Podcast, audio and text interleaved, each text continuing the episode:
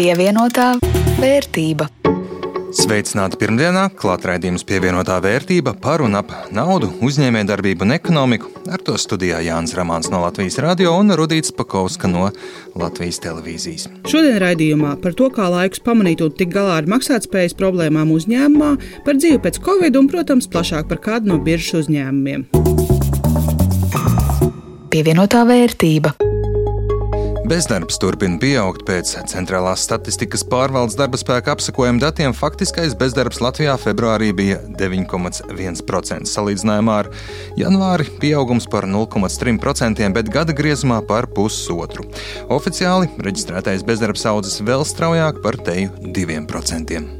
Saprotamākos skaitļos bezdarba februārī ir par aptuveni 3400 cilvēkiem vairāk nekā janvārī un par 13600 cilvēkiem vairāk nekā pirms gada. Lauvas tiesa atbildības pandēmijai, jo kopš otrās ārkārtējās situācijas izsludināšanas pērn novembrī bez darba palikuši 12800 cilvēku.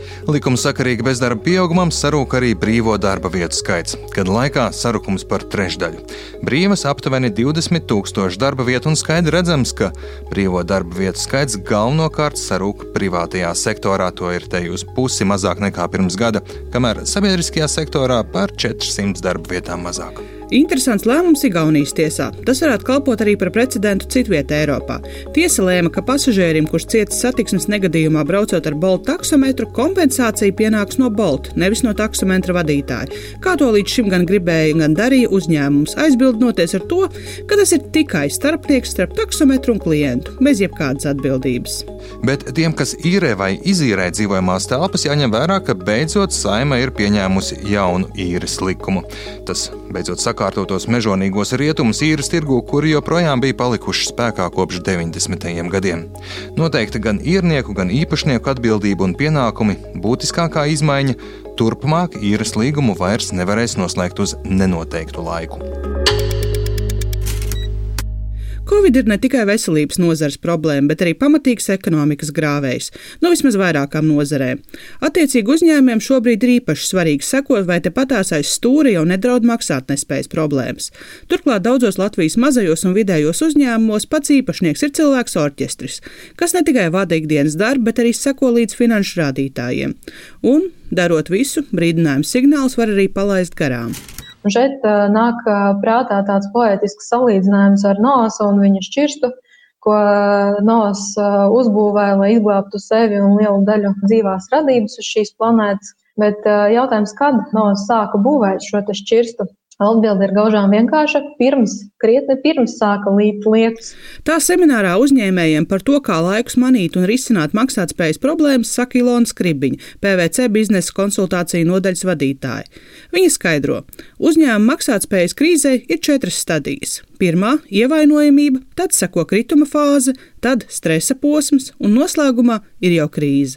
Bet vislabāk rīkoties jau ir pašā sākumā. Patiesībā nekas vēl arī neliecina par to, ka varētu kļūt slikti. Uzņēmums šajā posmā var um, strādāt ar uh, labu apgrozījumu, var ģenerēt peļņu, bet uzņēmumam uh, vienlaikus ir pazīmes, kas padara to vājāku par saviem konkurentiem un arī ievainojamāku pret um, ārējo apstākļu ietekmi. Kā piemēram, uzņēmums uh, varētu būt nesen veicis kādas lielākas investīcijas, vienlaikus šīs investīcijas tām ir saņemtas kredītsaistības, bet um, tās vēl nav sākušas ģenerēt atdevi.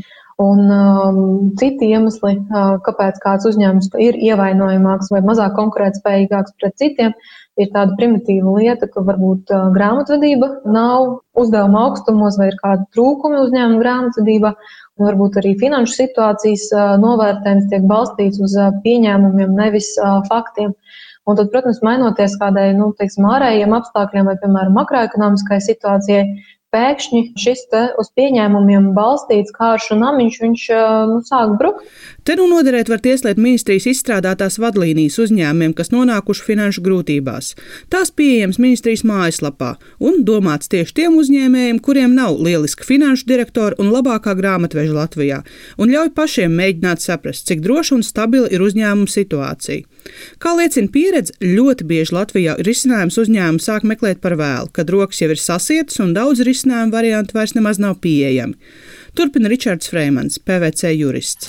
šis novēlotais maksātnespējas procesa uzsākšanas parasti neglābja no atbildības un gal galā kreditori tomēr uzsāks maksātnespējas procesu. Līdz ar to šī novēlošana šobrīd ir saistīta vairāk ar apstākļiem par valdes neinformētību par atbildību saistībā ar laicīgu šī procesa neuzsākšanu, dažādu veidu uzņēmumu vadības psiholoģiskie faktori, piemēram, nepamatotas cerības, ka viss nokārtosies, kā arī varbūt neinformētība to, ka, ja pietiekami laicīgi uzsāk šo maksātnespējas procesu, kad uzņēmums vēl nav pilnībā faktiski izputināts, tad ir iespēja caur maksātnespējas procesu atkārtot, atjaunot maksātspēju caur ārpustiesiskās aizdevības procesu. Īsāk runājot, uzņēmējs nevar paļauties, ka grāmatvedis vai cits atbildīgais laikus viņa uzņēmumā pamanīs problēmas, un vislabāk ir pašam pārbaudīt, vai man viss ir kārtībā un vai jau nav redzami brīdinājuma signāli. Tas attiecas arī uz tiem uzņēmumiem, kuri paši šobrīd ir sākuši strauji attīstīties, investējuši un liekas, ka viss ir brīnišķīgā kārtībā. Te jāatgādina, ka Tieslietu ministrijas mājaslapā var atrast dažādus noderīgus rīkus, kas katram palīdzēs saprast, kas notiek viņu uzņēmumā. Pievienotā vērtība. Bet kas tad notiek Latvijas uzņēmumos kopumā? Citējot profesoru Inu Steinbuku, daudz Latvijas uzņēmumu ir mākslīgās komas apstākļos. Valsts atbalstos uztur pie dzīvības, bet nākotne ir neskaidra. Daudz kas būs atkarīgs no tā, kā tiks izmantots pieejamais atbalsts ekonomikas atvesļošanai, par ko diskusijas ar lielāku vai mazāku aktivitāti notiek visu laiku. Un te paklausīsimies profesors teikto Latvijas Universitātes konferencē par to, vai Latvijai vispār ir skaidrs, uz kuru pusi tiek veikts struktūrālās reformas vai Covid eh, izraisītas struktūrālas pārmaiņas ir valdības iniciētas vai notiek nekontrolēti. Es teikšu, pagaidām absolūti nekontrolēti, jā, jo kaut kādas struktūrālas pārmaiņas notiek, bet, lai mēs varētu tiešām iebīdīt eh, ekonomiku tur, kur vēlamies, tad mums vajag atkal gribu atgriezties pie tā, tiem Eiropas fondiem, ļoti gudri izmantot to debesu mannu, kura mums tā negaidīti pateicoties krīze ir pie pieejama un tiešām veicināt tehnoloģisko progresu, inovācijas, digitalizācijas un tam līdzīgas lietas. Ir ļoti lielas bāžas, ka tie līdzekļi netiks eh, izmantoti gudri, diplomatiski sakot, un arī tagadējais atbalsts, ko mēs eh, redzam no valdības iecerētiem tēriņiem, no līdzekļiem neparedzētiem gadījumiem, arī var aiziet būvniecības nozarē, kur jau tāpat,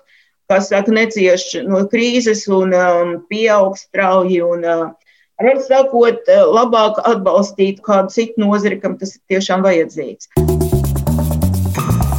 Pievienotā vērtība.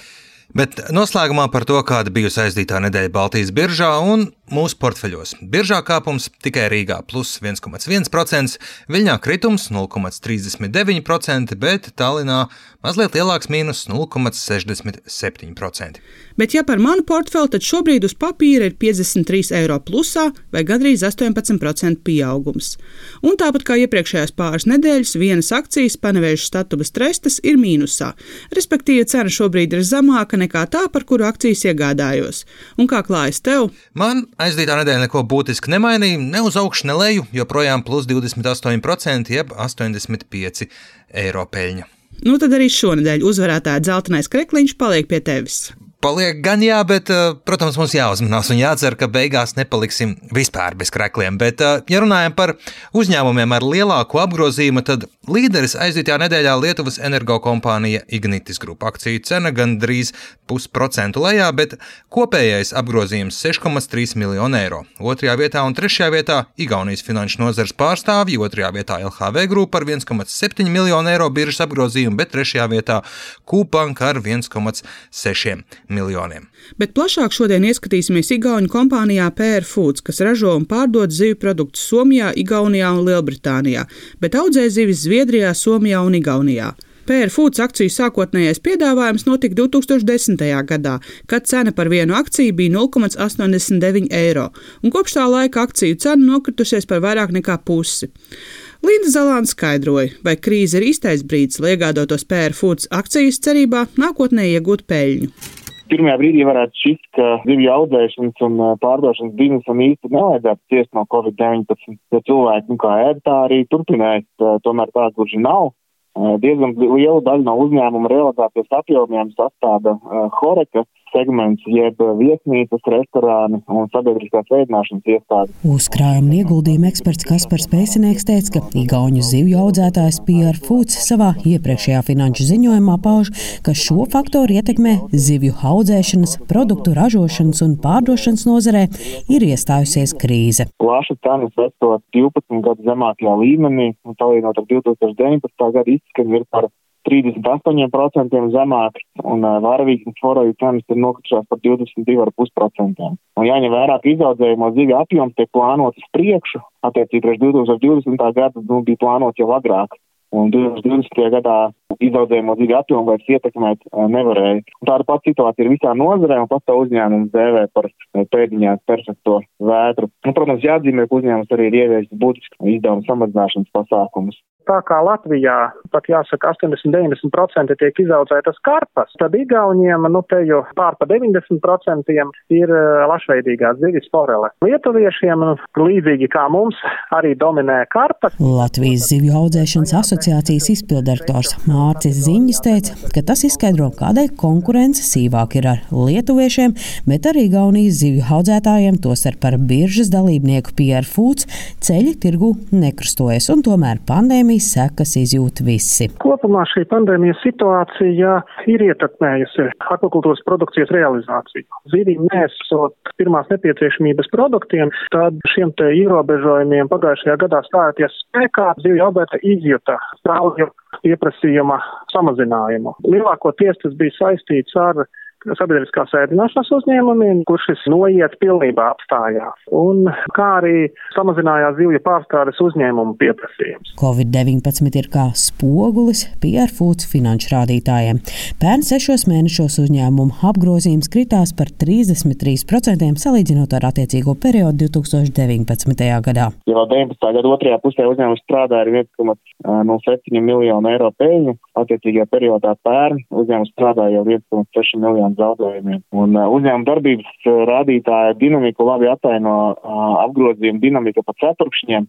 Pārdošanas apmēri pagājušā gada pēdējos trīs ceturkšņos bija krietni zemāki nekā attiecīgajos ceturkšņos 19. gadā. Un, ja apskatām pārdošanas apmēru dinamiku pa segmentiem, secinām, ka lielākais pārdošanas apmēru kritums ir vairumtirdzniecībā 63% apmērā, kam seko horekas segments ar 47% samazinājumu. Tikmēr lielākais apgrozījums segments mazumtirdzniecības veikalu ķēdes ir uzrādījuši pat nelielu pārdošanas apjomu pieaugumu. PR Foods nākotnes pārdošanas apmēra pieaugums ies roku rokā ar Covid-19 izraisītajiem faktoriem. Tas, cik veiksmīgi un ātri tā noiet tirgos, proti Somijā, Vācijā, Lielbritānijā un arī pašā Igaunijā būs veikta vakcinācija un mīkstināti ierobežojumi, kas sekmēs pārdošanas tempa pieaugumu Horeka segmentā. Savukārt vairumtirdzniecības pārdošanas rezultāti varētu uzlaboties tad, kad būs izpārdota iepriekš izaudzētā un saražotā produkcija, un nozarē kopumā būs panākts līdzsvars starp pieprasījumu un piedāvājumu. Ja runājam par pierfūts akciju cenu šobrīd, tad tā ir relatīvi lēta, un savā ziņā tas ir arī Covid-19 radītās krīzes nopelns. Bet vai ir vērts šobrīd iegādāties uzņēmumu akcijas, cerot, ka nākotnē to vērtība pieaugs? No vienas puses ir vēl gana daudz nezināmo, un nav skaidrs, cik ātri atgūsies horekas segments un attiecīgi uzņēmuma akcijas neliekas pievilcīgi. Savukārt no otras puses nereti labākās peļņas iespējas parādās tādos brīžos, kad no bezcerīgas situācijas tā kļūst mazliet mazāk slikta. No attiecīgi aktīvākiem ieguldītājiem īstenībā ieguldīšanai akcijas varētu būt pievilcīgas, lai noķertu reakciju akcijas cenas brīdī, un tad sāks atgūties eh, horekas segments. Tomēr jāņem vērā arī fakts, ka jau pirms Covid-19 radītās krīzes PR Foods pēdējos desmit gados vairākus gadus ir strādājis ar zaudējumiem. Līdz ar to uzņēmumu ir grūti analizēt pēc cenas un peļņas attiecības. Ja raugās pēc cenas un bilances, bilances attiecības, tad uzņēmums ir relatīvi lēts, kā arī tas ir relatīvi lēts salīdzinot ar citiem konkurentiem. PR Foods IPO notika 2010. gadā, kad cena par vienu akciju bija 0,89 eiro, un kopš tā laika akciju cena ir nokritusies par vairāk nekā 50%. Pat labam Foods akcijas cena ir tikai nedaudz augstāka par vēsturiski zemāko līmeni. Kaspars Pēcinieks teica, ka gandrīz visi, kas kaut kad agrāk ir iegādājušies Foods akcijas, ir mīnusos. Linda Zalāne, Latvijas radio. Pievienotā vērtība. To arī skan šīs nedēļas raidījums pievienotā vērtība. Atgādinu, ka šo un visus iepriekšējos raidījumus varat atrast Latvijas radio mājaslapā un podkāstu klausīšanās vietās. Ar jums kopā bija Rudīts Pakausks no Latvijas televīzijas un Jānis Ramāns no Latvijas radio. Tiekamies pēc nedēļas!